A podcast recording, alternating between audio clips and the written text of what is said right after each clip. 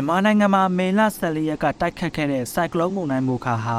ကုန်းတွင်းမုန်တိုင်းအနေနဲ့ချင်းပြည်နယ်စကိုင်းတိုင်းကချင်ပြည်နယ်တို့ကိုဖျက်ကျော်ဝင်ရောက်ခဲ့ပြီးမုန်တိုင်းငယ်အဖြစ်တရုတ်မြန်မာနယ်စပ်မှာလေပြင်းနဲ့ရဝတ်အနေနဲ့အားပြော့ပြက်ပြဲသွားပြီလို့မိုးစလကမေလ15ရက်မှာထုတ်ပြန်ပါတယ်။မိုခါမုန်တိုင်းမြန်မာနိုင်ငံတွင်းဝင်ရောက်ဖျက်ကျော်ခဲ့ပြီးဖြစ်တာကြောင့်ရခိုင်ပြည်နယ်စစ်တွေကိုအစိမ်းရောင်အဆင်းဖြစ်မိုးစလကတတ်မှတ်လိုက်ပါတယ်။ မွန်တိုင်းပြီးနောက်မြန်မာနိုင်ငံဒေသတချို့မှာမိုးရေဆက်လက်ရွာသွန်းမယ်လို့မိုးလေဝသပညာရှင်တယောက်ကခန့်မှန်းပြောဆိုပါရယ်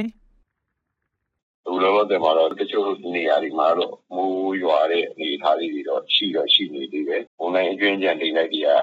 နိုင်ငံရဲ့မြောက်ပိုင်းနိုင်ငံအလယ်ပိုင်းကျွန်တော်တို့မိုးကုတ်30အဲ့ဒီခြားရဲ့ဒီဆိုတော့မန္တလေးတိုင်းပေါ့တခိုင်တိုင်းတော့မကွေးတိုင်းတော့တော်တော်လေးခရီးရပြတ်သွားပြီ။နောက်ရှမ်းပြည်နယ်တစ်ခုလုံးမှာလည်းဒီဘုံတိုင်းအကျွင်းကြံတိတ်လိုက် ဝင်လာပြီးအဲ့နေရာတွေမှာမိုးရွာတာတွေရှိတယ်။ဒီမုန်တိုင်းကတော့ထပ်ပြီးတော့မရှိတော့ဘူးကျွန်တော်တို့ဖြစ်နေတဲ့ pressure pattern တွေဒီစီကြောင်းတွေဒါတွေရဲ့အနေအထားအရမုတ်တုံဆက်ပြီးတော့နောက်ကလိုက်လာနိုင်တဲ့အနေအထားတော့ကျွန်တော်မြင်နေရတယ်နောက်တစ်ခုကနိုင်ငံရဲ့အရှေ့ပိုင်းနဲ့တောင်ပိုင်းဒေသတွေမှာမိုးရေဆက်ပြီးတော့ကြွားမဲ့အနေအထားတွေလည်းကျွန်တော်မြင်နေရတယ်ဆက်ကလုံးမုန်တိုင်းမူခါနဲ့ပတ်သက်လို့ကတော့ဘာမှပြောရမရှိတော့ဘူးဒီမူခါနဲ့ပတ်သက်ပြီးတော့သူတင်ခမန်းချက်မရှိတော့ဘူး မွန်တိုင်းအရှိန်ကြောင့်မေလ15ရက်ကနေ24ရက်အတွင်းနေပြည်တော်စကိုင်းတိုင်းမန္တလေးတိုင်းမကွေးတိုင်းကချင်ပြည်နယ်ရှမ်းပြည်နယ်ချင်းပြည်နယ်နဲ့ရခိုင်ပြည်နယ်တို့မှာဒေသအလိုက်မိုးကြီးနိုင်တယ်လို့မိုးစလာကထုတ်ပြန်ထားပါတယ်။ဒါအပြင်မွန်တိုင်းအကျွင်းကြံတိမ်တိုက်တွေကြောင့်စကိုင်းတိုင်းမန္တလေးတိုင်းကချင်ပြည်နယ်နဲ့ရှမ်းပြည်နယ်တို့မှာအမြင့်ဆုံးလေတိုက်နှုန်းတနအီမိုင်30လောက်တိုက်နိုင်တယ်လို့ခန့်မှန်းထားပါတယ်။ မွန်တိုင်းပြီးနောက်မိုးများမဲ့ဒေသတွေမှာတောင်ပြိုမြေပြိုတာတောင်ကျချောင်းရည်နဲ့ရေကြီးရေလွှမ်းပြီးနောက်ဆက်တွဲကျန်းမာရေးပြဿနာတွေလည်းပြင်ဆင်ထားဖို့လိုတယ်လို့မိုးလေဝသလေ့လာသူဦးဝင်းနိုင်ကသတိပေးပါတယ်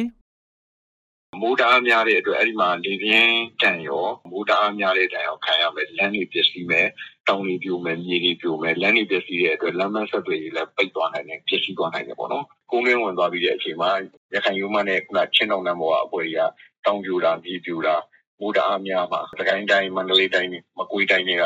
နေရာတွေကြတော့တောင်ကျချောင်းရည်တအားများလာတာနောက်ပြီးတော့ကြီးကြီးရေဆွမ်းသွားမဲ့အခြေအနေဒီကြီးရေဆွမ်းသွားတဲ့ဥစ္စာကြီးပြန်ပြီးတော့မကြဘူးဆိုလို့ရှိရင်နောက်ထပ်ဖြစ်လာမဲ့ဒီကျမကြီးပြဿနာတွေဒီဥစ္စာတွေအတွက်ကိုကြိုတင်ပြီးတော့ပြင်ဆင်ထားဖို့လိုမယ်။မြန်မာနိုင်ငံကိုဥတီတိုက်ခတ်ခဲ့တဲ့ အင်အားပြင်းဆိုင်ကလုန်းမုန်တိုင်းမိုခါနဲ့မုန်တိုင်းနောက်ဆက်တွဲဖြစ်စဉ်တွေကြောင့်ရခိုင်ပြည်နယ်၊ရှမ်းပြည်နယ်၊မန္တလေးတိုင်းနဲ့အေရီတိုင်းတို့မှာတည်ဆုံးသူ9ဦးနဲ့ထိခိုက်ဒဏ်ရာရသူအများပြားရှိတယ်လို့အမျိုးသားညီညွတ်ရေးအစိုးရ NUG ကမုန်တိုင်းပေးကနဦးထိခိုက်ပျက်စီးမှုအခြေအနေကိုထုတ်ပြန်ထားပါတယ်။မိုခါမုန်တိုင်းကြောင့်ရခိုင်ပြည်နယ်စစ်တွေမြို့မှာ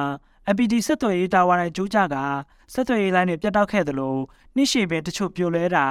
နေအိမ်တချို့အမုန်းလန်ပျက်စီးခဲ့ပြီးဂွားမြို့နယ်ကမ်းတာယာနာကရွှေဦးကင်းရွာမှာအင်ချီ90လောက်ပျက်စီးသွားတယ်လို့သိရပါတယ်။ကျွန်တော်ဇွဲသစ်ပါ။